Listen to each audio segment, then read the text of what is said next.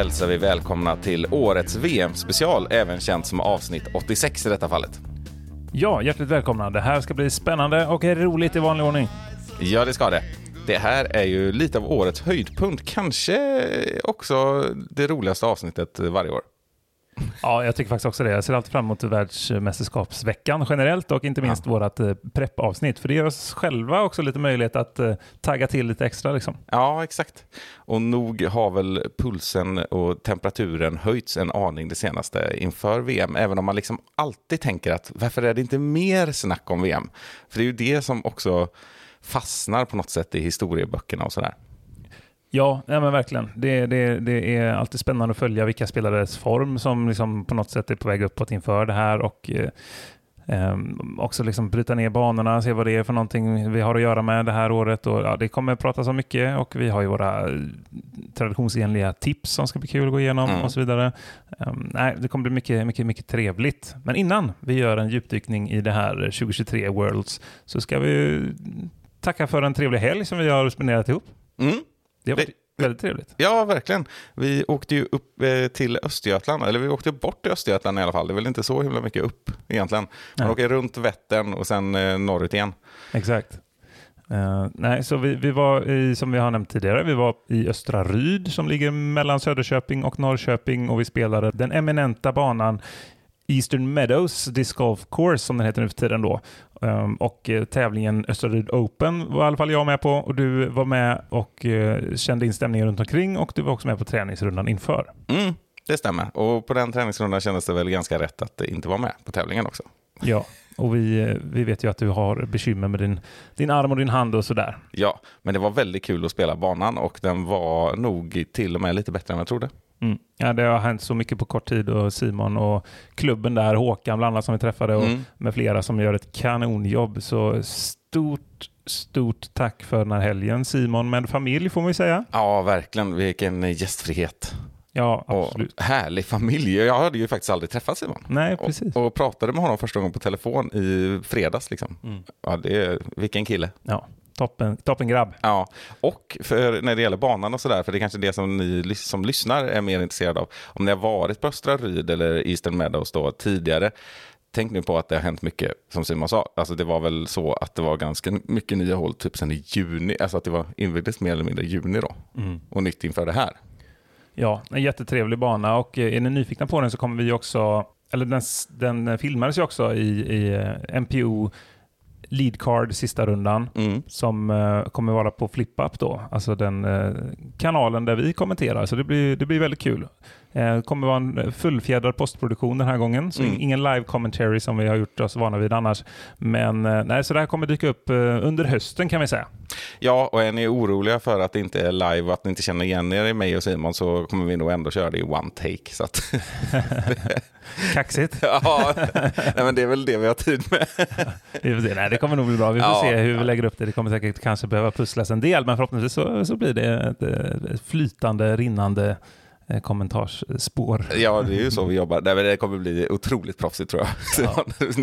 Tyckte du att jag liksom drog ner det lite? Så jag drog ner förväntningarna Simon. Ja, det är sant. Ja, nej, men eh, också kul kanske med fyra väldigt duktiga spelare som är med, utan att nämna några, men också kanske sådana här namn och spelare och kast och eh, personligheter som vi inte är vana vid vid alla andra coverage. Ja. Sånt är kul. Ja, exakt. Lite mer lokal touch bland annat. Ja, ja mycket lokalt.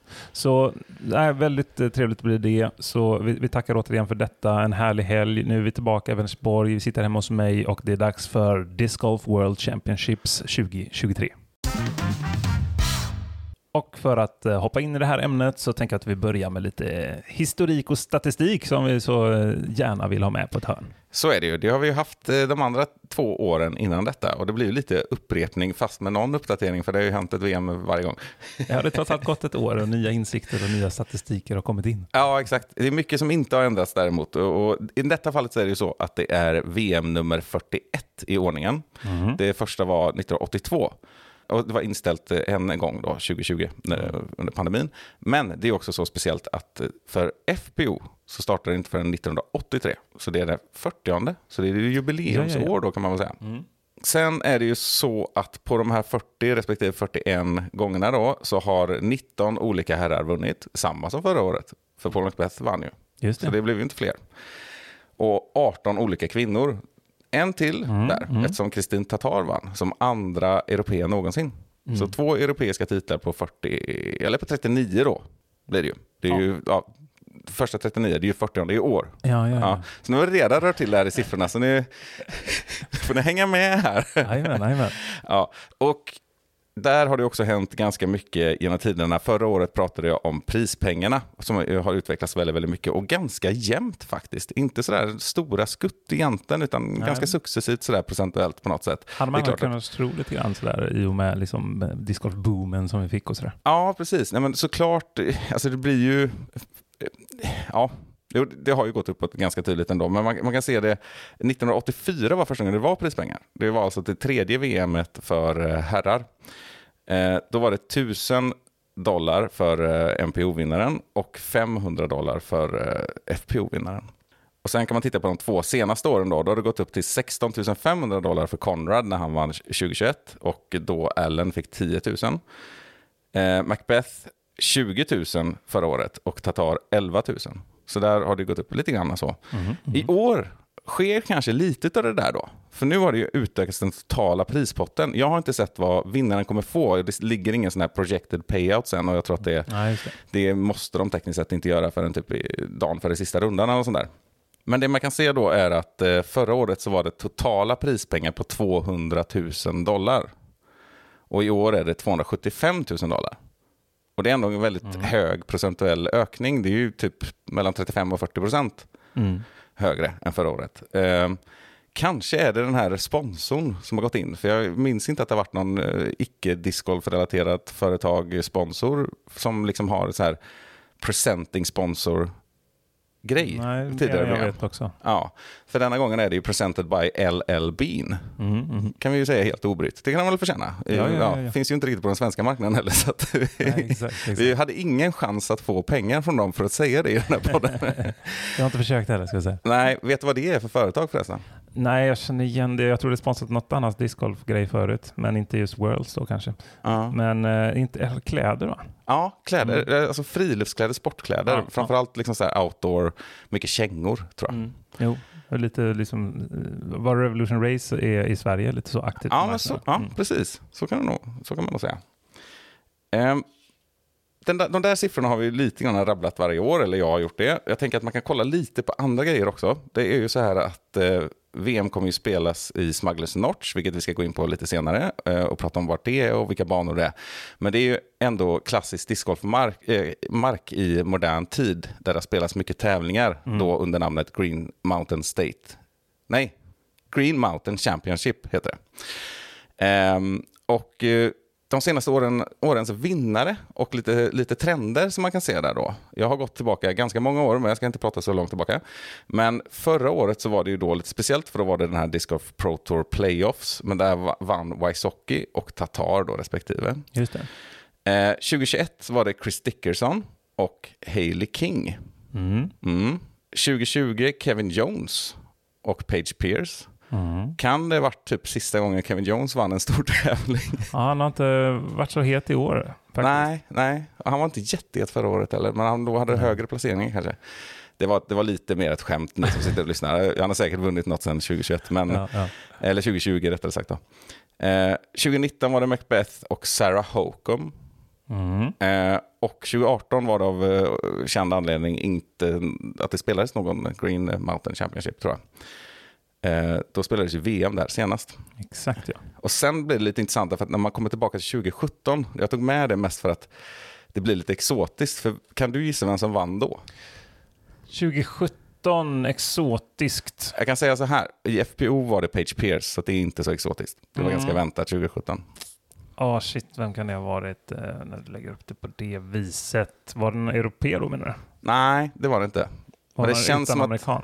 Ja, det var en amerikan, men det känns som att man liksom hoppar ännu längre tillbaka i historien än 2017 när man eh, kollar lite Ah, resultatlistan. Ja, intressant. Då skulle det kunna vara Barry Schultz, Josh Anton. Ja, det, det, hade, det är inte dumma, det är Mm. inga dumma eh, gissningar. Barry Schultz hade ju varit väldigt mycket häftigare i och för sig. Mm. Men det var faktiskt Nate Doss. Ah, ja, ja, ja, det var typ hans sista tävling då säkert. Ja, något sånt innan bryggeriet kallade. Ja, och tvåa var faktiskt Michael Johansson. Ja, också Så att, eh, Blast from the past. Men ja. han är ju lite mer aktiv nu än vad Nate Dawes är. Ja, det får man ändå säga. Och sen var det liksom så här Wysocki, Macbeth och andra gubbarna. Eh, och 2016 var, vi, var det som att det skulle varit eh, vilket år som helst, Wysocki och Allen.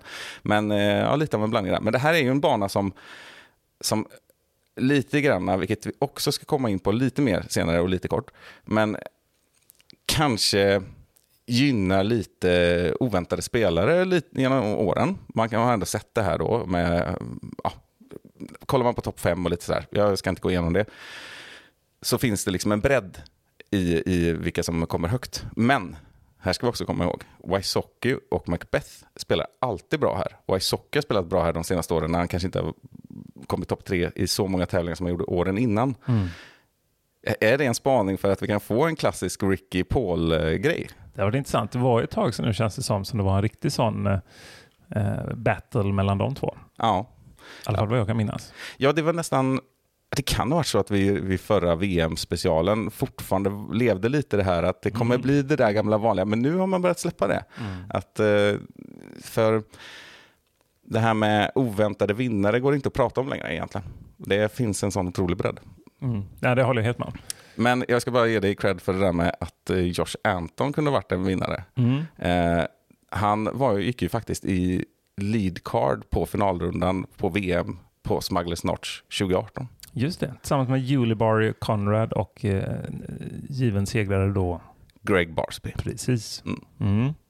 Det var lite otippat eh, card, kanske inte Conrad och Barsby, eller ja, jo, de, alltså hela cardet egentligen halv oväntat, för det var innan eh, då såklart Barsby vann och även innan Conrad vann. Mm. Och Julie Barry har ju inte rosat marknaden på lead cards de senaste sex åren. Nej, och Josh Anton hängde ju i länge och väl, men har ju också försvunnit helt. Och, Ja. och egentligen kan man väl säga att Conrad har, är fortfarande en superstjärna och toppkandidat hela tiden, men har han egentligen kommit så himla högt liksom, sen det där fantastiska kastet? Det är stundtals. Ja, ja, precis som du säger. Han är ju mycket mer ojämn än, än eh, till exempel en Wysocki eller sådär. Mm. Men med det tror jag att vi kan lämna segmentet med statistik. Att när vi pratar om eh, oväntade vinnare så är det ju då från VM 2018 när två förstagångsvinnare och spelare som inte heller har vunnit därefter vann sina titlar. Nämligen Greg Barsby och Paige Björkås, numera Shoe. Precis, det stämmer bra. Jag tänker att vi tar en liten, liten tillbakablick och lyssnar på hur det lät då. Vi börjar med Paige Bjerkas. Hokum. Hokum. Super Hokum is always there at the end. Always. So Amazing solid. show. But the lady of the day and the week is Miss Paige Bjerkis. Mugs at Smugs. Mugsy, yes, Mugsy. we got the one time tap in. Let's go, your FPO World Champion, Paige Bjerkis. Woo! Yeah. So exciting, dude. We're all so happy. She's there's no one more deserving. Oh my gosh, I love it. Congratulations, Paige. Mom on the bag, dad on Mom and bag. dad, just the disco family, man. Oh my God, I'm is so tearing up cool watching see. this. I know. I want to be there hugging her right now. So much energy from this this frame right here. Oh my God, it's iconic. Oh my god, this is a lot. My Congratulations to Yeah. Paige Bjerkis. We're so happy to see that. She kept it together all week so impressively. Um, Paige Pierce holding on to second. Så lät det alltså när Page tog sitt eh, första och hittills enda VM-guld. Och då är det alltså inte Pierce vi pratar om här. Nej, utan Page Shu. Precis, så heter hon nu för tiden och eh, ju gjorde den oväntade flytten från, disk, eh, från Dynamic Discs till eh, Discraft för övrigt. Ja. Mm, intressant, intressant. Hon är med i år, får se om hon kan blanda sig i detta. Hon eh, är ju definitivt kompis med banorna i alla fall. Ja, men så är det ju. Det vet vi ju sedan den här VM-segern också. Och eh, jag har kollat lite grann på hur hon har presterat nu. Alltså, det finns några intressanta fakta här då. Hon har ju ändå liksom legat med hyfsat i år och sådär. Hon kom 12 på Preserve, 28 på Ledgestone, 15 på D- DGLO, eller D-Glow som man säger. Ehm, men det skulle ju vara en ganska oväntad seger såklart. Men det var hon även när hon vann förra gången. Hon hade då rating 938. Nu är hon ändå rating 943. Det är lite mer än kanske vad någon sorts ratinginflation under åren har, har varit. Så att, och hon, hon snittade då, och då var det fem rundor ska sägas på det VMet. Hon snittade 980 den gången. Ja, det är inte dåligt. Nej. Shit. Och vann med sex kast före Page Pierce. Precis. Och det var för övrigt från eh, Jomes, eh, Jomes Pro på Youtube som vi fick lyssna på, på det där. Så eh, in och kika på dem. De kommer ju också ha post-coverage på det här VMet. Ja. Eh, och vi lyssnar också till hur det lät när NPO-segraren Greg Barsby tog sitt första VM-guld. And here it is, slow Mez before he even does it. Man of the year, man of the hour, man of the whatever you want to say. World champion Greg Barsby, his first major title. Man, oh, The monkey is off the back. incredible, man. He's been so close so many times. He's been a great player for 15 years. He's been playing for 25 years. He's like 20. He's like 30 24 years old.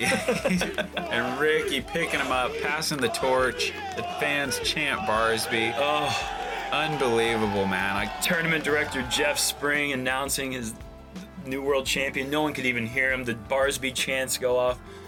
Bogey free back nine. Wow, what a feeling. I can't even imagine what that must be like. wow. Så var det ja. och eh, trots att Jeremy Colling där påstår att han kanske var 24 år gammal och spelat i 25 år så kan vi säga att Greg Barsby numera är 36 år. Som andra ord var han 31 år då. Eh, men han har ju varit med otroligt länge. Och det var ju Ja. liksom ingen, det var inget okänt namn på något sätt som vann. Nej, nej verkligen inte. Eh, Men återigen, det är ju det är intressant att banorna dyker upp igen där det här hände då alltså. Ja. Så, så även om vi tycker att en viss rullians hade varit på plats lite, lite sådär, men det, det tar vi inte nu. Nej, det gör vi inte. Och det här är ju trots allt ganska trevliga banor, vilket vi också kan prata om sen. Men eh, däremot, vill jag eh, påpeka detta, att apropå, även om det, Greg Barsby kanske inte var favorit, men en känd spelare som har presterat mycket och vunnit mycket under lång tid. Som de påpekade här så har han aldrig vunnit en major-titel. Och det har han ju inte gjort efteråt heller. Och det fanns lite intressant statistik som Ultiworld hade tagit fram då, för fem år sedan. Nämligen att eh, han är en av bara tre spelare som har vunnit VM i NPO någonsin. Trots att de eh, hade lägre rating vid tillfället än liksom medianen på topp 10 på VMet.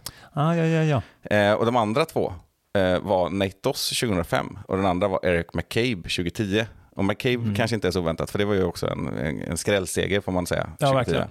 Eh, däremot så var Greg Barsby klart lägst under den där medianen. Okej. Eh, och han hade då en rating på 1020, vilket är det tredje eh, lägsta som en världsmästare någonsin har haft när den vinner VM. Alltså lägsta rating På NPO-sidan då. på NPO-sidan. Och han spelade 34 poäng över sin rating i snitt, vilket kanske låter ja, helt rimligt. Ska man vinna VM-titel måste man prestera. Liksom. Men det är väldigt mycket mer än eh, vad andra världsmästare har liksom, behövt prestera över sin rating. vilket kanske då hänger upp med också såklart att han hade en lägre rating. eh, så Macbeth behövde bara spela fem eh, poäng över sin rating när han skulle vinna 2015. Just det. Men det var också, den var skyhög. Men nu har vi nämnt Smugglers Notch här ganska många gånger Simon. Var, vart är det vi ska befinna oss? Vart är det vi reser till? I alla fall vi som sitter i Sverige reser, gör väl en mental resa in någonstans i USA. Ja, exakt. Vi ska ju till USA i sedvanlig ordning och eh, i det här fallet så ska vi upp i det nordöstra hörnet kan vi väl säga. Um, inte allra längst upp i hörnet, men, men i en eh, stat som kallas för eh, Green Mountain State, vilket inte är en surprise då med tanke på att det här brukar husera Green Mountain Championship som du pratade om, Rickard. Mm. Och då är vi i staten som heter Vermont som ligger då väster om eh, New Hampshire och eh, öster om eh, delstaten New York och också öster om de här The Great Lakes som man brukar säga då. Och eh, precis eh, söder om den kanadensiska gränsen. Mm. Eh, och, och för att göra ännu mer klartext då, alltså norr om storstäderna New York och Boston. Mm. Ehm, så så eh, det är en ganska liten stat och det är också en ganska liten plats det här som är, du, du, säger Smugglers Notch och det är ju också eh, namnet på den liksom resort som är i området där som är någon slags eh, recreational area Mm. på något vis då. Och eh, där har vi ju inte många större städer i, i, i närområdet. Eh, så, så man kan väl säga att det närmsta som, som överhuvudtaget liknar någon typ av by är Jeffersonville som ligger eh, strax norr om det här och det är där det bor typ 1000 pers och sen lite längre bort ligger Cambridge på 4000 pers. Eh, men inte jättelångt heller från delstatshuvudstaden som heter Montpellier. Mm. Men den är också ganska liten, 10 000. Alltså, Ja. Vi snackar mindre än Vänersborg. Ja, det är typ Mellerud. Ja, Eller Melleruds kommun har typ 9000 exakt. invånare. Eh, Så lite intressant. Finns det en lite så här, någonting som åtminstone kan klassas som stad kanske, om man i alla fall är i Sverige, som heter Burlington på 50 000 personer. Ja. Eh, Men ja, nej, så det, det, det, det, det är småstadsliv här uppe, eh, som man inte är van vid i USA kanske alltid. Nej. Eh, Så det, man kan känna den gemytliga stämningen med de gröna bergen. Eh, Och det här området då ligger också i skuggan av ett berg som heter Mount Mansfield. Mhm. Um, Shoutout till våran klubbkompis för övrigt. Ja, exakt. Det var länge sedan man träffade honom. Ja, det. Om du lyssnar, Marcus, vart är du? Ja, kom och spela med oss. Ja, gör det. Det blir kul. Mm. Ehm, men du, du, du nämnde att den här banan är trevlig, men det är ju faktiskt banor vi pratar om. Ja, vilket ju alltid såklart. är på, eh, på det, det vet jag att du vet, eh, Mm. att vilket alltid är på VM, men det är alltid minst två banor. Ja. Eh, så vitt jag vet i alla fall. Och eh, de här banorna som ligger då i Smugglers Notch, det är eh, Brewster Ridge och Fox Run Meadows. Och här brukar vi trycka på att eh, det är fantastiskt fina banor i en fantastiskt vacker miljö, men Mm. häftiga namn brukar vi säga också. ja, exakt. visst är det det? Särskilt Fox Run Meadows. Ja, det låter coolt. Mm. Ehm, Det gör det. Och eh, är det så att vi ska bara lite kort eh, prata om banorna så att ni, ni som... Det, jag gissar nu att det är väldigt många som känner igen de här namnen men kanske inte får upp en bild i huvudet. Mm. För så kan det ju lätt vara.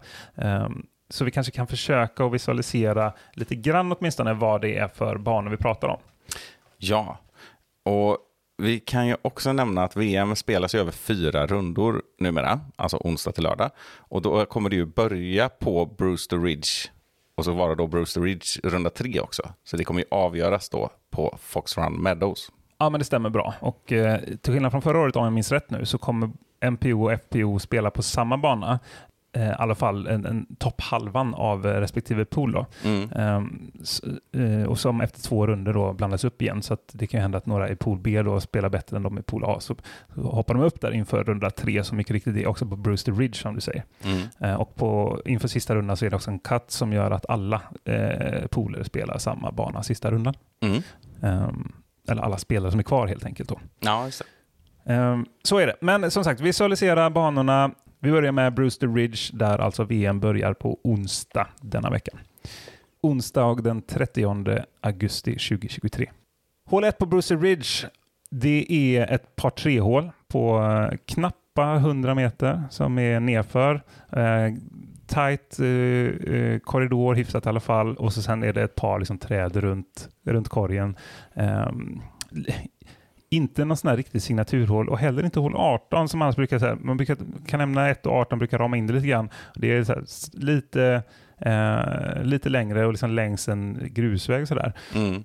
Också ett par tre hål. Så jag gissar också att det kanske är därför inte Bruce Ridge är den avslutande banan, för det är inte det här riktiga eh, score separating sista hålet eh, som vi kommer till. Men, men bara snabbt innan vi går vidare så kan vi nämna att båda banorna är särpräglade skogsbanor, Mm. eh, vilket är lite speciellt för det brukar ändå kunna vara lite att det är en tajtare bana och en lite mer öppen bana så att man får det här eh, allround grejen. Mm. Och det, du var inne på det också, att det kanske gynnar specifika spelare det här. Ja. Vilket jag också tror att det kommer göra. Vilket blir, det blir int- intressant på ett annat sätt helt enkelt. Så. Ja, precis. För de har, de har ju sina olika, profiler, de här banorna, helt klart. Eh, samtidigt som de är båda liksom välbalanserade banor var för sig, som man brukar säga. Alltså de, här, de har ju lite öppna ytor, liksom, om man ska runt hörnen och allt det där. Fast på Ja, ja, öppna ytor. Ehm, Nej, men de är liksom inte, de är inte så olika varandra. Men det, det fina här är också den här anläggningen att de ligger ju verkligen precis bredvid varandra. Det är liksom inte det här att ja, max en halvtimme mellan. Nej, du, kan, precis, du kan väl parkera på samma ställe. Och så går du åt norrut så är det, har du Brewster Ridge och så söderut har du Fox Run Meadow som jag minns rätt. Jo, men jag tror det. Eh, jag tror det faktiskt. Och, ja, men jag tror eh, som sagt att Fox Run går att visualisera lite mer. Så där kan vi nämna att första hålet är ett ganska klassiskt eh, discgolfhål. Det har varit många tävlingar där som sagt och ett ganska intressant hål. Det är 172 meter par fyra där du har en OB carry först. Där det går liksom en spång genom ett högt eh, gräs, lite halvsankmark har jag en känsla av. Och så sen går det en, en slags eh, ja, gräsyta då, eh, lätt sluttande från höger till vänster.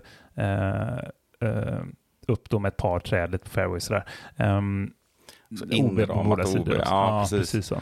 Och väldigt lågt i tak. Och jag vill inte minnas att jag har sett att eh, man väljer att liksom kasta över träna på något sätt. Det, väl, det kanske hänger ihop med att en bra design då från tee, att det inte Ja. går att kasta över träna därifrån. Och då är det väl, du måste kasta dig in under ändå och då Mm. är du där inne. Ja, men det är många som säger att det är väl designade banor och eh, dessutom eh, väldigt vackra banor då, som är fair för att vara skogsbanor. Vissa kan ju Mm. vara sådana här som vi brukar prata om med, med att det är liksom träd lite på fel ställen så. Mm. Så att ett bra kast kanske inte gynnas, men så känns det. Det, finns säkert något hål här, don't get me Mm. wrong. Men, Mm. men generellt så känns det som att det är väl genomtänkt det här. Mm. Ehm, så det är som du säger, det, det känns som att en, en, lång backhand följt av en lite kortare forehand är det vanligaste playet på det här hålet, för att korgen är också uppe till höger i slutet ehm, på ettan då. Och Mm. så tänker jag att vi hoppar till hål 18 och nämner det, så tror jag ni, ni som inte har förstått vilken bana det är, ni kommer nog förstå nu då förhoppningsvis.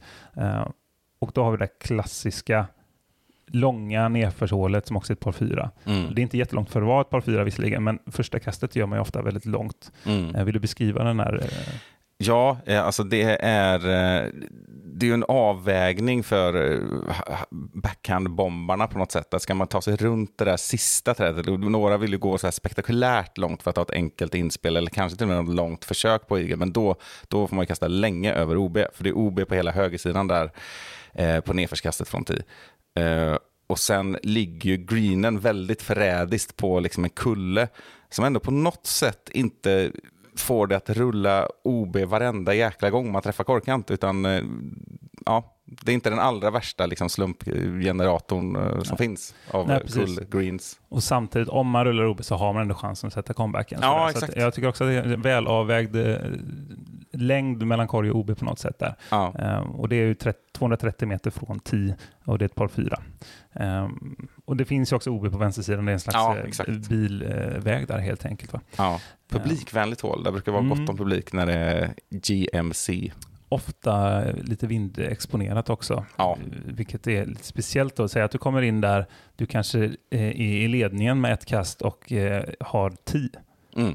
Du är långt ifrån sä- säker. Ja. Du, kan ha två, tre är inte långt från säker ändå. Nej, exakt. Det är, det är ju inte jättebrett, så kan man säga. Och det Nej. är väldigt mycket utför och det är, du måste kasta långt hur du än gör på första kastet. Du kan inte, du kan inte fega ur där, om du behöver spela för paret åtminstone. Ja, Jag, jag tror att det kommer vara, eh, det skulle kunna avgöras på ett sånt sätt att den som går ifrån sin gameplan vinner inte. Nej, alltså exakt. sådär, på något Mm. sätt. Att, att, eh, om du inte vågar committa till det du har övat på där så kan det gå helt åt helsike, tror jag. Mm. Eh, men det hade också varit intressant att se ifall någon verkligen så här, nu måste jag gå för det här. Någon som, alltså säg att en Anthony Barella, som verkar vara i Mm. bra form för det, Ja, exakt. skulle gå, komma upp där och behöva ta ett kast på en ledare. Liksom. Ja. Då hade det nog blivit åka av. Ja, exakt. Och det, det krävs ju, det krävs ju liksom verkligen någonting spektakulärt för att göra en igel där såklart. Men det, det finns ju de spektakulära spelarna. Ja. Och det finns ju alla möjligheter att liksom gå för andra kastet. Det går ju nästan alltid. Men där går det ju verkligen det. Om man, Ja. men just att man, man måste fortfarande gå långt på första, även om man ska komma liksom 40 meter ifrån tror jag. Mm. För då du måste liksom runt ett hörn lite Japp. grann för att få någon sorts vinkel där. Och det är några sådana här Guardian Trees som är liksom i, i kanten mellan OB och eh, Fairway också på högersidan där. Så, Ja. Men det finns, ju, eh, det finns ju som du säger, det finns luckor att kunna gå för ett här monsterkast om, om man skulle behöva det. Mm. Och eh, för den delen kunna överhuvudtaget. Mm, ja, exakt. Och med tanke på hur de senaste VM-turneringarna har varit, eh, alltså de senaste tre, så har det ju varit otroligt jämnt i MPO i alla fall. Mm. Så vi får hoppas att den spänningen är så levande som det har varit. Ja, förra årets kamp mellan Macbeth och eh, Aaron Goose Gossage var ju eh, otroligt spännande att följa exempelvis. Ah, hjärtskärande och makalös alltså. Ja, Nej, verkligen. Det är minst sagt eh, en spännande tid att vara vid liv, Rickard. Ja, så är det. Så är det. Men då tänker jag att vi går lite från, vi, vi nämnde ju eh, lite spelare som hade kunnat göra lite roliga beslut och så vidare. Men, men vi hoppar in, vi går från bana, banor och geografi till, eh, till lite deltagare och nationaliteter och annat då. Ehm, vi har ju haft en liten följetong där vi pratat om europeisk deltagande exempelvis i, eh, i eh, de tidigare två VMen åtminstone. Och eh, det som var då för förra VM, där var det ju en lite speciell situation när det var lite fortfarande corona-vibbar som, som eh, låg lite som ett täcke över, över det här världsmästerskapet. Och då var det ju bara fyra europeer på plats. Mm. Eh, så det, det är en liten konstig statistik som vi, vi lämnar till det förflutna. Mm. Och så går vi vidare. Och eh, förra året, eh, om jag minns rätt nu, så var det 28 europeer Mm. eh, totalt. I år har vi faktiskt färre. Vi har 25. Eh, så det är lite tråkigt. Eh, jag tror också att det var många europeer som var inställda på att det skulle bli VM på eh, europeisk mark i, i detta året. Mm. Eh, Nej, jag tror det var 2024 som var aktuellt för Tammerfors. Ja, just det. det, har du Ja. mm, precis ja. Eller det var det, för det var Ja. förra året de pratade om det. Ja, det stämmer bra. Never mind. Men eh, hur som helst så, eh, jag vet inte, det är ju så pass närliggande, så vet, eh, alltså i nummer eller antal deltagare, så jag vet inte om vi ska lägga någon vikt vid det överhuvudtaget kanske. Mm. Men eh, det är för få kan jag tycka i alla fall, med tanke på att det är, eh, alltså på här sidan då till exempel så har vi 15 europeer och 192 amerikaner. Mm. Alltså det är inte konstigt att det är många amerikaner som vinner. Nej, nej, exakt. Och det är ju verkligen en av de här anledningarna till att vi vill ha ett VM någon annanstans. För vi Mm. ser, och vi har pratat om det, vi ser att när det spelas tävlingar på europeisk mark så, så, så blir det ett annat övertag. Liksom. Kanske inte på European Open och sådär, men där, ser, alltså, där är det inte övertaget. Men då ser man ju också att det alltid är europeer med liksom, topp 5, topp 10 nästan. Eh, och som leder tävlingen under någon gång eh, längs vägen. Mm. Eh, och, och på alla de här Eurotour, det är inte, det är inte bara för Macbeth att gå in och spöa skiten. Liksom. Så är det inte Nej. när han kommer dit. Nej, om jag minns rätt så var ingen europeer på topp 10 förra året till exempel på VM, utan. Me- Mekkele var väl typ 14 eller någonting i den stilen vill jag minnas. Ja. Ehm, så eh, Mackelele, Ja. lät det som. Makelele, ja det är något annat är det. En fotbollsspelare och en CS, eh, ett CS-pro- CS-proffs tror jag. Alltså, okej. Ja, ja, du sa det så gött. Vaine Mäckele. Mackele. Ja, lite, lite göteborgare i mig. Vet du. Ja. Det var gött mos. Så sett enna. Vi går vidare. Eh, det är eh, några länder som har eh, en representant. Jag tänker att vi gör lite miniquiz av det här. Det är. Ja, mm. Ehm, eller har du uppe listan framför dig? Nej, Får nej, kolla på den? nej. Jag gissar att du kanske har kollat på den sådär, men inte med de glasögonen. Så förhoppningsvis blir det inte inte. klockrent ändå. Nej. Nej, vad bra. Mm. Eh, så det finns alltså en, två, tre, fyra, fem nationer som har en deltagare på plats. Mm. Vill du gissa eh, vil- vilka detta kan vara? Jag misstänker att det inte är några högratade spelare i, i sammanhanget. Eh, Jag vill gissa på Mexiko. Eh, det är fel. Ah, attans, jag tänkte det var Tyvärr han. ingen representant. Nu är jag fortfarande på NPO för övrigt. Ja, Vi ja, precis. till eh, FPO senare. Ja. Nej, jag tänkte på han eh, som var på, han var ju faktiskt på Åland till och med. Mm, mm. Mm. Nej, vad kan det vara då? Vi får nog ändå gissa på någon, eh, ja men en Island. Ja, Blair är med. Ja, Eh, Örn Asgeirsson, eh, som vi är lite bekanta med kanske framförallt du. ja. Så det, då får du ett rätt och eh, ett fel hittills. Du får ett par chanser till. Ja, okej. ja, jag tror fortfarande mer på Europa här. Jag tror inte att Angola har skickat någon representant, eller för den delen Jag kan göra det lite lättare för dig. Ja. Att det är, jag tror att eh, när det var en ratinggräns eh, för att registrera på 1000 så blev det typ fullt. Ja. Så det är inte många under där som är med överhuvudtaget. I alla fall inte som var det i samband med registrering. ja, men kan det vara så att vi har också då Hjalte Jensen från Danmark? Nej, eh, sorgligt nog har vi ingen dansk representant, vilket jag Nej. tror var länge sedan. För jag tror Mm. att eh, KJ har ju varit med på många VM. Då har vi en tjeck. Ja, där har Jakob du ett. Semmerad. Jakob Semmerad. Mm. Ehm, men eh, då drar jag de sista här också. Mm. Eh, och det är Schweiz, Tony Farrow. Mm. Han har ju varit med på några DGPT-tävlingar och annat också. Så Ja. han verkar ju testa vingarna lite i år. Ja, gammal i gamet. Ja, absolut. Och så har vi han eh, australiensaren som har varit med också lite i svängen den här säsongen, som heter Jake. Va? Ja. Ehm, och eh, sådär. Just nu precis under 1000, men jag tror han var 1000 när han lägger sig. Mm. Och sen då, som man börjar nästan räkna bort från det här, men en, en eh, tysk herre som heter Simon Lisotte. Men, Ja, men han, man tänker ju nästan han som amerikan efter. Ja, exakt. Ja. Ja, just det. Han är ju enda tysk då. Mm. Mm. Precis, men han står ju som, han står ju som amerikan på PDGs registrering. Men eh, Jaha. eh, jag vet inte Ja, det gör han. Han, han, måste, han, han har ju uppgett sin bostadsort. Det står Ja, ju inte Bremen exakt. längre. Nej. Precis så. Ehm, så det är, men jag gissar att han fortfarande representerar Tyskland som land. Ja, han hade nog varit eh, välkommen på EM till exempel. Precis. Han hade sagt upp sitt tyska medlemskap, eller medborgarskap. Liksom. Nej, exakt. Eh, sen har vi två ester, estländare, eh, som du vill kalla dem. Och då är det alltså Silver Lett och Albert Tam. Mm. Ingen surprise där. Nej. Och två svenskar eller tre, beroende på då vad Max Rogitnik väljer att representeras som det här det. året. För han står ju som kanadensare nu, i och med att han numera bor där. Mm. Um, men så där vet jag faktiskt inte riktigt vilket land han tävlar för om någon skulle fråga honom. Nej. Eh, Nej, exakt. Han, han, hade ju, han var ju uttagen att spela EM. Så att, eh, det hade varit, men han, det var ju inte praktiskt möjligt för honom att åka då. nej, exakt. Så att eh, hans, ja. Men han är ju både och. ja, Så exakt. det ska inte vi lägga oss i. Nej, nej, vi, hejar, vi hejar så gott på honom ändå. Ja, precis. Han är max helt enkelt. Ja, exakt så. Mm. Ehm, så ehm, men de andra två svenskarna, de känner du ju till vilka det är. Ja, Josef Berg och Linus Karlsson. Mycket riktigt så. Och sen har vi då, eh, förutom Max, så har vi tre andra kanadensare också som är med. Jag Mm. nämner inte dem vid namn just nu, utan vi går vidare. Men sen har vi sju stycken eh, finländare också, Mm. eh, som är ju då den största nationen som är representerad över de 192 amerikanerna. Ja, det är ju faktiskt sorgligt. ja, det är lite sorgligt. Mm. Men också fyra japsare.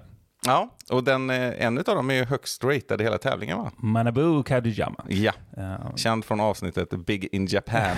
Jajamän, jajamän. Um, alltså det är kul faktiskt att de har skickat fyra stycken representanter. Ja. Och eh, vi var inne lite på det i det avsnittet som du nämner. Om ni inte lyssnar på det, gå tillbaka och lyssna på det. Trevligt avsnitt tycker jag. Och du hade en bra statistik över den tävlingen som ehm, Jeremy Colling var över då, alltså Japan Open, eh, tidigare i år, där han spelade så otroligt bra. Men det var också lite snack om det här att det kanske var lite inflation i ratingen just på de japanska öarna då. Mm. Eh, eventuellt så får vi lite svar på det under VM. Nu har vi eh, de har varit överkört någon tävling här innan också visserligen, men eh, det är nog fel, mer som följer detta. Eh, FPO då, Rickard? Ja, Där har vi tio europeer. ja. Vissa betydligt mer framträdande än andra kanske, men egentligen inte. För nu, här finns det väl en hel del som skulle kunna utmana om höga placeringar skulle jag säga. Ja, jag skulle säga att den europeiska stjärnglansen lyser klarare på FPO-sidan. Ja, och eh, klarare på FBO-sidan också än vad den har gjort på väldigt, väldigt länge. Nu är det väl inte bara det här bländande ljuset som Tatar står för. Nej, och eh, vi har alltså, du kan få ett par snabba gissningar här också. Två länder som representeras av en spelare. Ja, det är ju inte Sverige. Det är väl snar... Det kan vara Norge, men jag tror att de har två. Det är en bra gissning. Det är två representanter från Norge som du är inne på. Eh, ingen på här sidan, lite förvånande. Ja. Men eh, nu är vi på FPO och eh, då kan du få äran att nämna bägge de namnen från tror jag vet. Ja, det måste ju vara Anniken Christiansen Sten och Lykke Lorentzen. Stämmer bra, stämmer bra. Båda har chans att ligga högt vill jag påstå. Ja, och med fördel Anniken skulle jag säga. Ja, även om det bara skiljer typ så här 4-5 ratingpoäng så känns det ändå på något sätt som att hon har haft en starkare säsong. Ja. Det håller jag med om. Och eh, eh, hon är lefty, vilket jag inte riktigt eh, kan analysera så här på rak arm om det är fördel eller nackdel på den här banan. Men frågar vi vår kära Denka så säger han att det är en fördel. Ja, exakt. så då tar vi 100 det, procent. tar det på orden. Ja.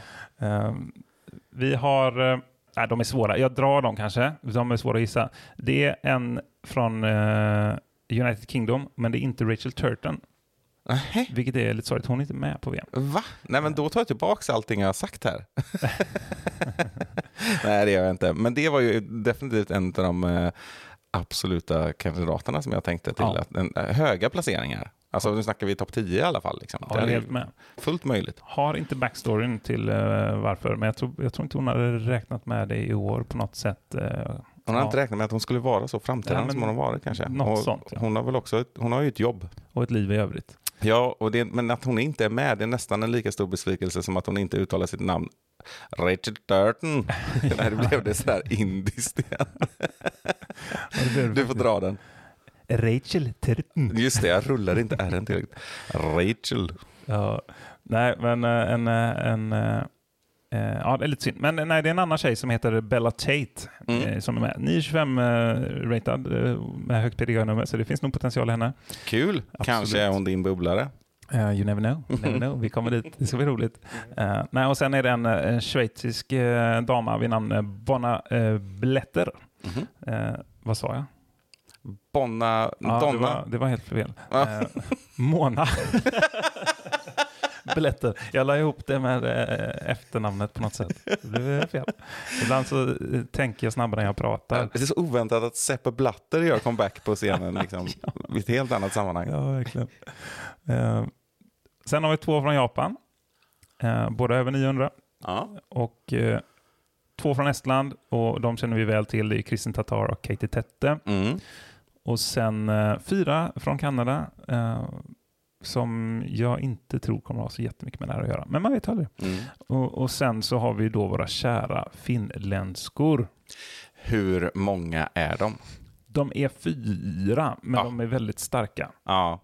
Eh, vi har ju då Henna Blomros, Evelina Salonen och sen de som har lyst väldigt starkt på framförallt den europeiska toppscenen i år. Alltså, alltså Heidi Leine och Silva Saarinen. mycket riktigt. Mm. Men det är alltså, återigen, det är otroligt synd att det inte är fler. Ja. Sen tror jag ju i och för sig att det är de fyra starkaste namnen, så, klart. Ja, det tror jag också. Men det fi- finns ju flera som hade kunnat vara med. eh, Såklart då. Olivia Kindstedt bland annat. Och det finns ju... eh, Ja. eh, Ida. ja, den exakt. unga. Precis, ja. Från norskan.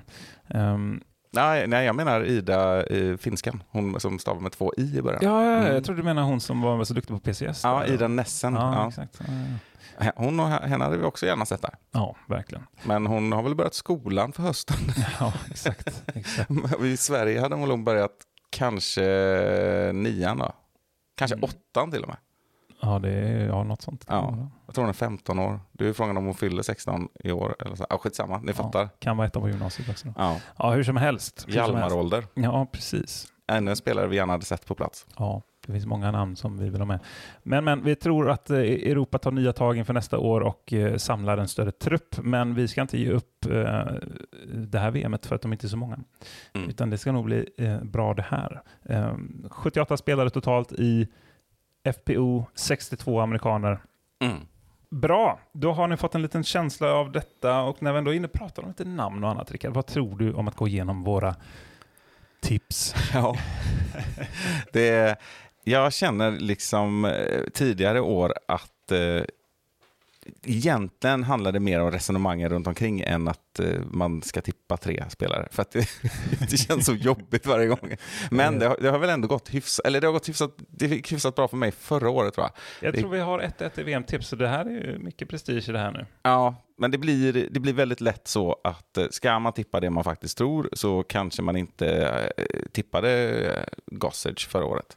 Så enkelt är det ju. Och vi hoppas ju, jag hoppas ju på sådana här överraskningar. Och därför blir det kanske roligt att resonera kring det. Och det vi var inne på förut, det var ju det här att Eh, om vi pratar oväntade vinnare och vi hade någon sorts dynasti där med eh, Macbeth och Wysocki som vann alla titlar mellan i alla fall 2012 och 2020. Och sen har vi liksom haft ett kort avbrott med Barsby och Conrad på NPO-sidan. Eh, nu är det ju så otroligt ovisst på riktigt. Nu finns det ju otroligt många kandidater, alltså toppkandidater. Och vi har fortfarande spelare som eh, Eagle som inte har vunnit ett VM-guld än. Eh, förutom då att vi kastar in eh, eh Reed Allen och Gannon Burr och eh, ja, vilka fler liksom. Alltså, det finns många som helst. Ja, visst. Nej, jag håller helt med. Det du försöker göra här nu, att, eh, att säga att det är fan svårt att tippa nu för tiden. Ja, exakt. Jag vill i alla fall jag vill ta udden av att tipset är det viktiga i detta. Nej, ja, jo, men lite det också. Men, men poängen är att vi, vi, det är nästan så att vi, vi det finns 10-15 spelare kanske, som egentligen inte är särskilt eh, oväntade om de skulle gå och vinna. Nej, nej, På visst. sätt och vis. Alltså, klart att det skulle vara oväntat på, utifrån att om vi pratar om Kevin Jones, om han skulle gå och vinna så är det oväntat, men han är inte direkt okänd som Gossage var på det sättet Nej. förra året. Ja, eller? ja, ja, så, så precis. Ja, nej, det, och Chris Dickerson har väl inte heller eh, många tippat, men klart han kan gå och vinna. Liksom. Ja, nej, nej, visst. Nej, jag håller helt med. Det, det är verkligen eh, en, en korrekt analys. Eh, Och här blir det ju lätt fokus i detta resonemanget på NPO, därför att jag är inte helt säker på att det kommer vara lika ovisst på damsidan.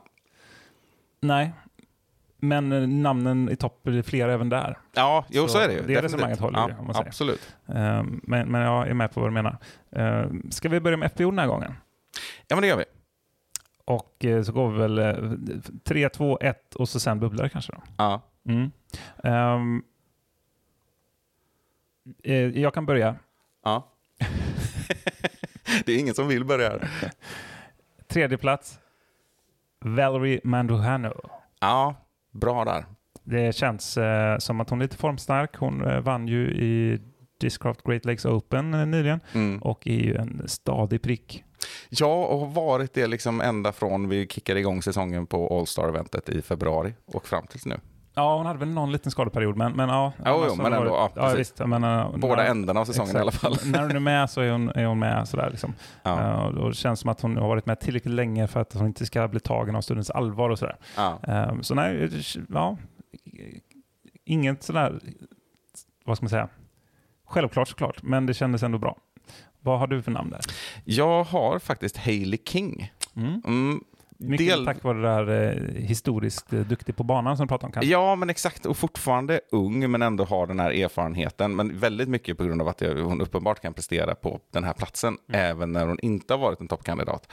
Eh, kanske inte den som sticker ut mest såklart den här säsongen på något sätt, men har gjort en stabil säsong med flera topplaceringar och eh, till och med någon, någon vinst tror jag. Ja, hon vann den här DDO, va? den här med Discs Open. Ja, det låter Mm. bekant. Eh, ja, men snyggt då. Det var Eh, trots allt i juni. Så att... Ja, precis. Vem har du på andra plats då? Ja, det kan vi ta. Eh, ja, jag har Owen Scoggins. Intressant. Ja. Eh, formstark. Mm. Eh, erfarenhet.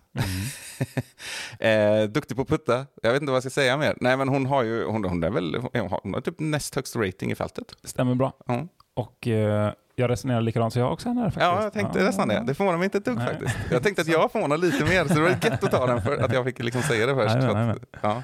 Eh, ja, nej, hon, men hon har också gjort en, eh, den klart bästa säsongen hon någonsin har gjort. Ja. Och dessutom i, i, när hon är så pass eh, till åren kommen, låter ju tråkigt, men lite, du fattar vad jag menar. ja, absolut. Erfarenhet, bättre ord. Ja, exakt. Och det är så svårt att veta exakt vad som pågår i huvudet på olika människor här. Eh, eh, alltså, känner Katrina Allen sig mätt efter sin, eh, sina titlar liksom, eh, och sitt spel? Det tror jag ju aldrig att hon är i och för sig. Men kan hon känna sig press? Man har sett henne tappa tidigare år i olika sammanhang eh, och komma ganska lågt och sådär. Om Skoggins glider liksom med lite grann och så kommer hon... Alltså, Alltid glad. Ja, exakt. Och, och en skön, bra vinnarattityd om det är så att man bara slåss om en andra plats dessutom. Mm. Ja, men jag tror det också faktiskt. En korrekt analys. Och sen får vi också säga att Paige Pierce är ju skadad. Hon bröt ju arm, äh, benet Mm. eh, i Norge. Så hon, hon är ju inte med till exempel om ni saknar henne. Ehm, så hon kommer inte vara med på, på nummer ett. Och där kanske vi båda har samma, vad vet jag. Men jag har i alla fall Kristin Tatar där. Ja, det har jag med. Ja. Eh, och då kommer vi till det intressanta att ingen av oss har tagit Christina Allen. Nej. Vet du, senast eh, någon av oss inte gjorde det var ju 2021. Då var det jag som inte hade varit med Katrina Allen på topp tre. Mm. Och då gick hon och vann. Ja, Så att henne ska man aldrig räkna bort. Den här, Nej. hon är katten i lådan. exakt.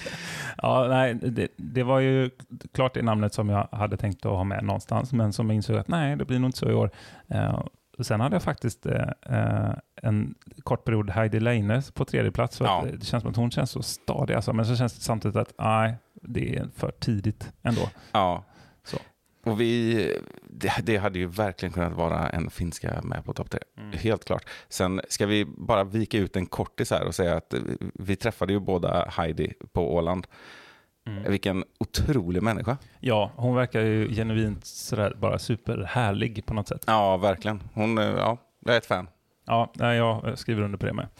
Um, mm, tattar, eh, om jag ska säga det, tattar eller tatar som många säger då, eh, Kristin, Eh, ingen skräll, men hade du frågat mig för tre veckor sedan så hade jag varit ännu mer övertygad. Hon hade ju sin sista runda på EM där som, som var ju lite skakig som, eh, och sådär. Men om jag tolkat det rätt så är det liksom ingen större skada som, som har åsak, åsamkat detta utan det var lite stundens allvar i samband med någon lättare problem med, med armbågen. Hon var ju lite tejpad och sådär. Eh, så vi, eller jag och vad jag förstår det som du tror ändå att hon kommer vara ganska så fit for a fight. Ja, det, vi vet ju ingenting annat och jag tänker att eh, så som hon har kört fram så fattar alla som sitter och lyssnar också att hon behöver inte ens vara helt fitta ärligt talat. Nej, För att vara favoriten. Så är det faktiskt. Ja. Ehm, Nu har hon dessutom vunnit en gång. Mm. Och eh, nu har hon vunnit, eh, jag tror hon bockade av sin sista liksom bucket list-grej nästan. genom att vinna. Ja, Mm. exakt.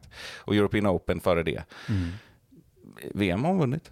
Sen klart, eh, jag misstänker att hon kanske vill vinna sex titlar, Ja, minst. exakt. Ja, nej, vilken, eh, vilken säsong det hade blivit om man hade löst eh, VM också. Alltså, helt galet. Då börjar det likna Paul Macbeths 2015. Eh, Ett legendariskt år. Någon typ av Grand Slam om man skulle haft någon sån då. Ja, Mm. han vann ju alla fem major som fanns då. Det var ju Mm. Aus- Australian Open med också, om jag inte missminner mig att det var den man ska räkna. Aussie Open heter det nog till och med. Ja, Aussie Open. Ja, Mm. jag tror det är väl den som var den femte då. Men han vann ju VM, USDGC, European Open och så vidare. Och så vidare. Ja, häftigt. Häftigt. Bubblare, Rickard. Ja, alltid nästan det roligaste. Eh, förra året hade jag ju en, eh, en eh, fantastisk spelare som heter Emily Beach, Mhm. vill jag minnas. Denna gången så har jag en eh, som heter Alex Benson. Ooh, och jag ska säga att vi, vi, vi var tvungna att vara under 9,50 på damsidan med de personerna. Det var det enda som vi hade utgått ifrån. Sen fick man välja fritt. Ja, och vi funderade också på då, är 9,50 för högt? Men här kan vi säga, känner du till Alex Benson? Bara vid namn, Ja. så att säga. Jag, jag får inte upp ett ansikte. Nej, hon är nog, jag vill säga att det är en ganska okänd spelare ändå. Eh, eh, Men har ändå rating 944. Mm. Mm. Eh, Hon är lokal. Bra, bra spanat. Ja, hon är från Williston, eh, Vermont. Eh, Knapp timme från eh, Smugglers Notch enligt Nice. Google Maps. det intressanta var för övrigt att jag kollade det också sen i efterhand. Det är faktiskt bara tre spelare på VM av 300 som är lokala, alltså från samma delstat i alla fall. Mm, Eh, I alla fall som är registrerade så på PDGA. Alla tre är i FPO. Ingen i NPO är från Vermont. Nej, det förklarar varför inte jag hittar någon då. Ja, just det.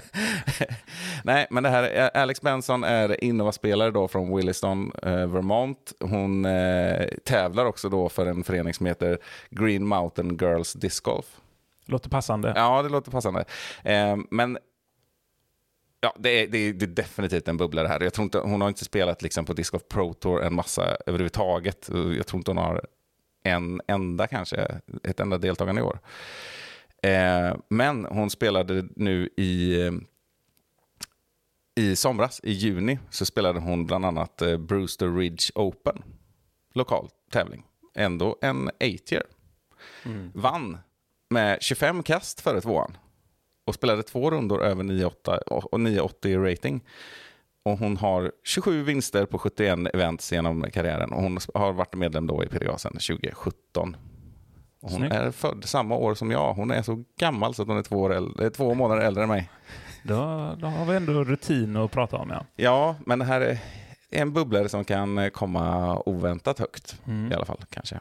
Kul namn. Mm. Jättebra eh, val. Vill du höra vad jag har? Ja, det är klart jag vill. Jag har eh, faktiskt en finländska här. Ja, Och det är den enda som är godkänd att ha med, nämligen Silva Saarinen. ja vilken otroligt bra bubblare. Ja, men det känns kul. 9,42 i rating, gick nyligen upp 6 eh, ratingpoäng. Ja. Och eh, hon har ju som sagt varit väldigt bra i Europa i år. Hon har ju varit med på, eh, jag tror det är fyra stycken eh, eh, PDGA Eurotours. Mm. Och hon har vunnit alla dem som Mm. hon har varit med på. Mm. Och det, det är ju eh, imponerande. Och hon har spelat eh, ytterligare event, eh, ehm, nämligen 16 stycken till antalet. Och hon har varit in the money på alla utom tre. Så hon, hon, är, hon är stadig, hon, är, eh, hon har en bra form och jag tror eh, helt enkelt att hon kan eh, spela bra. Det som ligger henne i fatet är att hon inte har så mycket erfarenhet eh, i just USA och den, på den här scenen då Mm, såklart. mm. Men hon känns också som en ganska så obrydd person när det kommer till de sakerna, bara spontant. Ja, en väldigt, väldigt stenansikte på, f- antar jag, ett bra sätt med tanke på att hon vinner Ja. när hon ställer upp. Och hon hade ju för övrigt ett otroligt rafflande särspel som hon vann då på Åland mot just. Jajamän. Eh, med innehållande innehållande ett nästan ace från Heidi på hål 17 och, och eh, nästan eagle på sista hålet. Och, ja, det var så otroligt rafflande. Ja, och det var också de delvis som tampades på eh, SM i Finland. Det heter ju SM där. Ja, precis. Tänkte att göra det. Eh, där Heidi gick ju och vann och Ja. eh, eh, då kom eh, Silva på tredje plats. Och dessutom kom man ju nästan ikapp eh, Kristin Tatar på EM. Det Mm. var ju bara ett eh, par, tre kast efter till slut och kom alltså på andra plats där, vilket ju också är otroligt starkt. Mm. Eh, så ja, det ska bli väldigt intressant att följa eh, eh, även denna tjej under VM här. Verkligen. Ska vi vända blad? Ja, det gör vi. Då får väl du börja med din trea i eh, MPO. Jag börjar ju sist. Ja. Eh, Gjorde du det? Ja, det gjorde du. Ja, men då börjar jag. Då ska jag bara bestämma mig för vem som kommer trea. Nej, men eh, jag tror att jag tror att jag hade samma trea förra året faktiskt. Intressant. Ja, Eagle McMahon. Ah. Mm. Ja, väldigt stark kandidat till att faktiskt vinna guldet i år tycker jag. För att man tänker lite grann att ja, han var skadad, spelade inte så mycket tävlingar förra året. Glidit in lite, glidit runt lite, eh, gör det han ska och märks ju inte för att han kommer på fjärde plats. Eh, men han har ju just detta. Alltså han har ju liksom, han har bara vunnit Beaver State Fling i år. Eh, det är den enda vinsten. Och han har ändå spelat ganska många tävlingar. Och eh, det var ju dessutom en silver series, alltså den lägre nivån som kanske inte alla bryr sig om eh, av den typen av namn. Men på de fyra senaste tävlingarna har han ju kommit tvåa eller fyra. Alltså han har kommit tvåa två gånger och fyra två gånger på fyra på European Open till exempel, när han var med och täv- tävlade om segern. Tvåa ehm, ehm, på Åland och nu senast då på eh, D-Glow. Men vi ska inte glömma att han var tvåa på Champions Cup, årets första Major. Och han var fyra då på European Open som sagt, årets andra Major. Och det här är årets tredje. Precis, och han lyckades väl typ idag, måndag, eller igår eller någonting, vinna eh, VM i puttning. Stämmer, och det tyder ju på en bra form. För ska man vinna VM, då ska man putta bra. Något som för övrigt eh, vår kära Jakob Semmerad vann förra året. Just det. Och något som för övrigt kännetecknar Greg Barsbys seger på just den här banan 2018. Ja, det sant. fantastiska puttandet. Stämmer bra. Och det, är, ju- det kan man ju liksom känna efter på varenda VM. Så här. Jo, Konrad han puttade ju fantastiskt bra den där sista rundan hålen innan hål 18 och vi vet vad som hände. Och Macbeths eh, makalösa putt på var hål 16 va? På finalrundan. Eller var det 17? Nej, 17 var det nog. Det var det Eh, nog, ja. den där, det är ju inte ens en putt liksom, för de flesta av oss. 20 23 meter eller något i den stilen.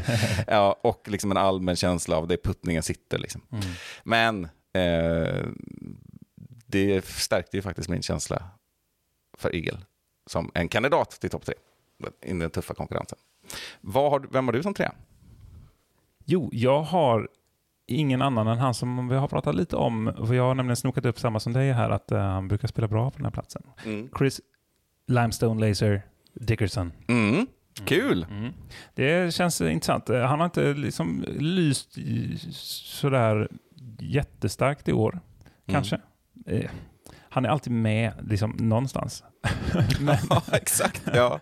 men eh, på, på, sådär, och han kanske inte är den som tar för sig heller utanför banan kanske, så därför har han inte syns lika mycket. Möjligtvis. Han, Men- han brukar inte bokstavligt talat lysa heller i sina kamouflagekläder och svarta slängiga shorts. Och, ja. Han kanske varit på Lidkorv och inte har sett honom. Nej, precis. Jag var ju helt chockad när man såg honom på Presents Cup för övrigt i vit keps. Ja. Nej, nej, det är, han skrämmer ju bort eh, hjortarna. Ja, exakt. Ja. Men eh, nej, så han fick en eh, tredje plats. Mm, Återigen en bana som passar honom. Det är, och en stabil snubbe generellt över många rundor. Så tänkte jag, så han fick vara där. No more, no less. Eh, andra plats, där har jag han som i modern tid aldrig varit utanför topp två, nämligen Paul Macbeth. Mm. Jag eh, tog han inte som segrare, utan jag tog han som andra plats idag, eller ja, för det här året. Får se, kanske får jag äta upp det, kanske inte. Kändes eh, dumt att utesluta honom. Mm. Det gjorde jag förra året. det fick jag ångra. Ja, ja, precis. Ja. Ja, du, ja, du hade inte honom alls, nej. Nej. Nej, just det. Eh, jag, har väl, jag har ju tippat Macbeth som vinnare två år i rad och han har kommit två och etta. Och så, Mm. så. Eh, jag tror ju väldigt mycket på Macbeth i år också egentligen, men jag har honom också som två. Du har det? Har Ja. samma tvåa på båda då? Ja, Mm. ja faktiskt ja. Eh, Intressant, intressant. Ja. Eh, Kan vi inte hoppa in då direkt i, i vem har du som segrare på MP? Ja, det, är- man hade ju velat tro att vi har samma, men det är helt omöjligt. Det, det finns ju fem kandidater i alla fall. det finns faktiskt det. Ja, jag har Calvin Heimberg. All right. Ja. Var- jag har faktiskt också det. det var tur att vi inte hade samma tre i alla fall. Då. Ja, exakt. Nej, men av alla de här eh, jämna, höga toppspelarna och eh, givetvis liksom kandidater som, är så otroligt given kandidat som Gannon Burr, så det är dags nu. Ja, men precis. Det som jag säger, Gannon Burr och en Wysocki såklart hade Mm, kunnat mm. vara med här. Det finns en formstark Anthony Barilla, det finns en duktig Woodspelare som heter James Conrad. Det finns många, många, många, många. Men Mm. just när det kommer till duktiga Woodspelare, och vi pratade om det redan på hål 1 på um, Fox Run Meadows, den här low ceiling. När det kommer Mm. till low ceiling, långa woodskast, Mm. det är få som slår en, en eh, Calvin Heimberg i, i form över så här många rundor. Mm. Ehm, Det skulle då till exempel vara faktiskt eh, en James Conrad eh, när han är i stor form. Mm. Eh, Slår det mig nu. Men såklart de andra också som har sån hög högsta nivå på alla nivåer som till exempel en Macbeth eller en Eagle. Eller sådär. Ja, nej men och av alla de där som, eh, om vi inte räknar liksom Wysocki, Macbeth och eh, någon mer kanske, så måste ju Heimberg ha samlat på sig flest antal liksom, lead card-erfarenhet på just VM de senaste åren. Ja, känns så. För vissa kommer och går, Emerson Keith eh, 2020, eh, 2019 och, och eh, ja, andra, andra år, för att sammanfatta det. Eh, så nej, han är ju alltid där och nosar och så halkar han ner kanske till någon sjätte, sjunde plats. Han gick ju, han gick ju i lead card när eh, Holy Shot var, det vet vi ju från Ja. den minen han gjorde. Ehm, ja, nej, den erfarenheten måste ju i kombination med briljans liksom. Mm. Alltså han är liksom mäktig spelare att titta på. Ja, och, det, och det, det har vi märkt på alla de här stortävlingarna de senaste åren, i stort sett i alla fall, om det så är VM eller European Open eller sådär, att det blir nästan alltid en duell. Liksom. Mm. Eh, det är två spelare som är med och liksom pushar varandra in i slutet. Och eh, det kanske blir så att vi får rätt, att i år är det på Macbeth mot Calvin. Ja, vilken duell. Ja, det hade varit intressant. Ja, makalöst. Det känns ju som att det, den, den, det mentala spelet spelar ingen roll när det är de två. Nej, Nej, vilket annars eh, kan göra väldigt mycket. ja, Eh, för de känns som att de, eh, de kan hålla De tar- masken. de tar stundens allvar och så knycklar upp det till en liten boll Ja, och kastar det i korg. Ja men precis, ja, men för det, finns ju, det finns ju inte den där dynamiken som när det är eh, Gossage Macbeth, eller det för den delen Conrad Macbeth. Mm. Alltså vad håller Conrad på med nu? Nu lägger jag ju mig hela tiden fyra meter från korgen. Och så ska han hålla på och sätta sina tolv meter Ja, liksom, efter att ha träffat träd. Och, ja.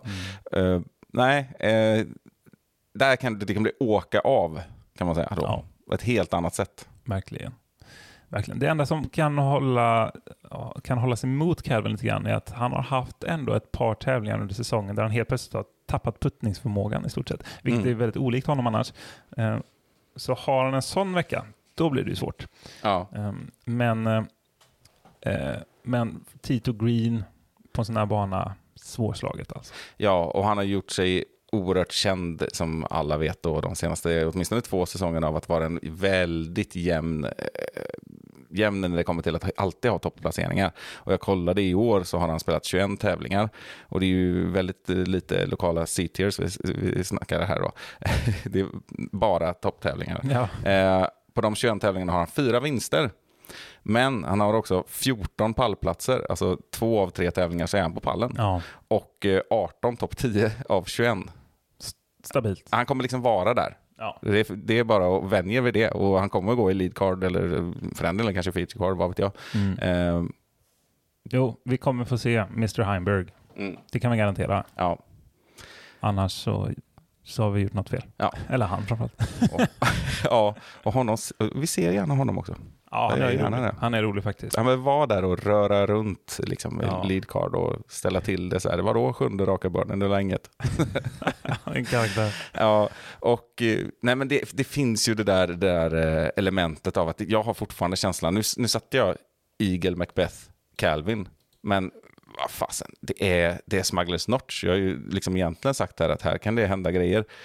Mario, Ja, intressant. ja, Som har så många, där snackar vi erfarenhet om lead card i VM förut. ja och jag brukar ju ha 72 andra platser. Ja, exakt. Och, och, ja, han, han kom ju faktiskt eh, på topp tre redan första VM 1982. Nej, men lite så känns det. I alla fall, han har ju varit där liksom på 00-talet, den Ja. ja. snubben.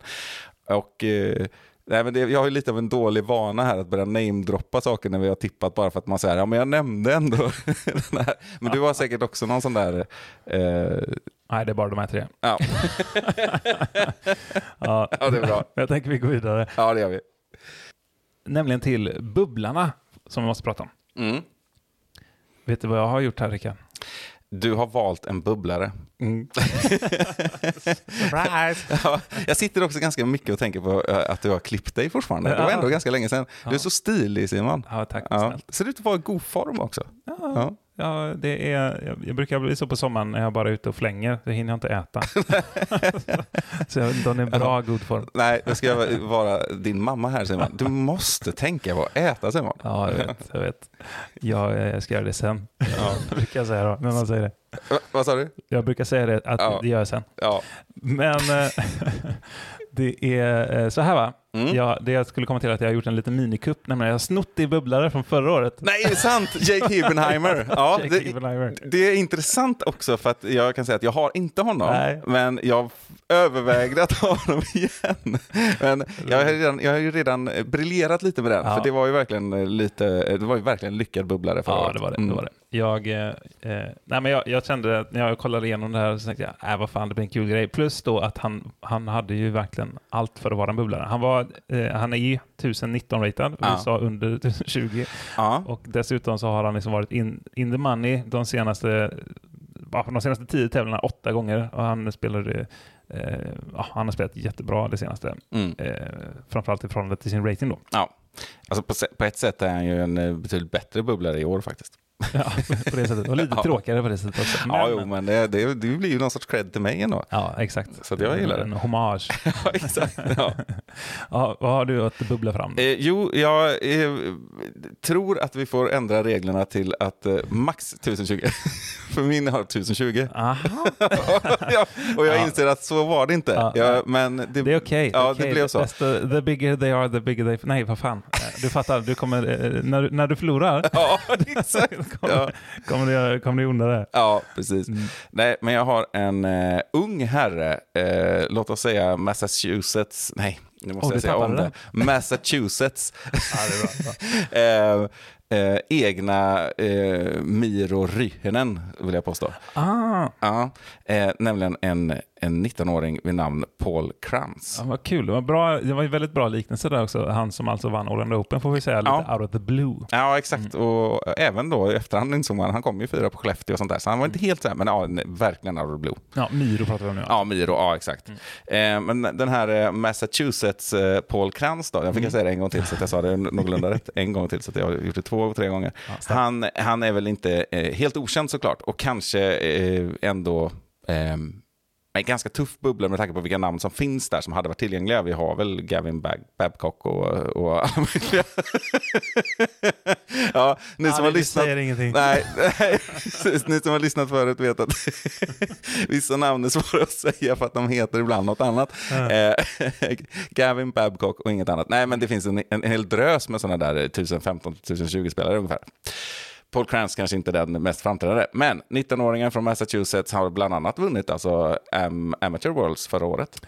Ja, det är där jag känner igen det ifrån. Ja. Ja, Jag tror jag såg eh, sista rundan där. Ja, och han, han har ju bara liksom spelat i typ två, tre år. Tror jag. jag tror han, jo, tre år, för han var PGA-medlem typ 2020. Eh, alltså när han var då med andra ord, vad blir det, tre år sedan, då han var han 16 år typ. Någonting. Mm. Eh, men sen i maj förra året så har han gått över 1000 och så har han legat där och så har han ökat och så ligger han på 1020. Eh, Formen är stark. Ja, det vill jag påstå. Han kom också liksom på 20 plats i Champions Cup.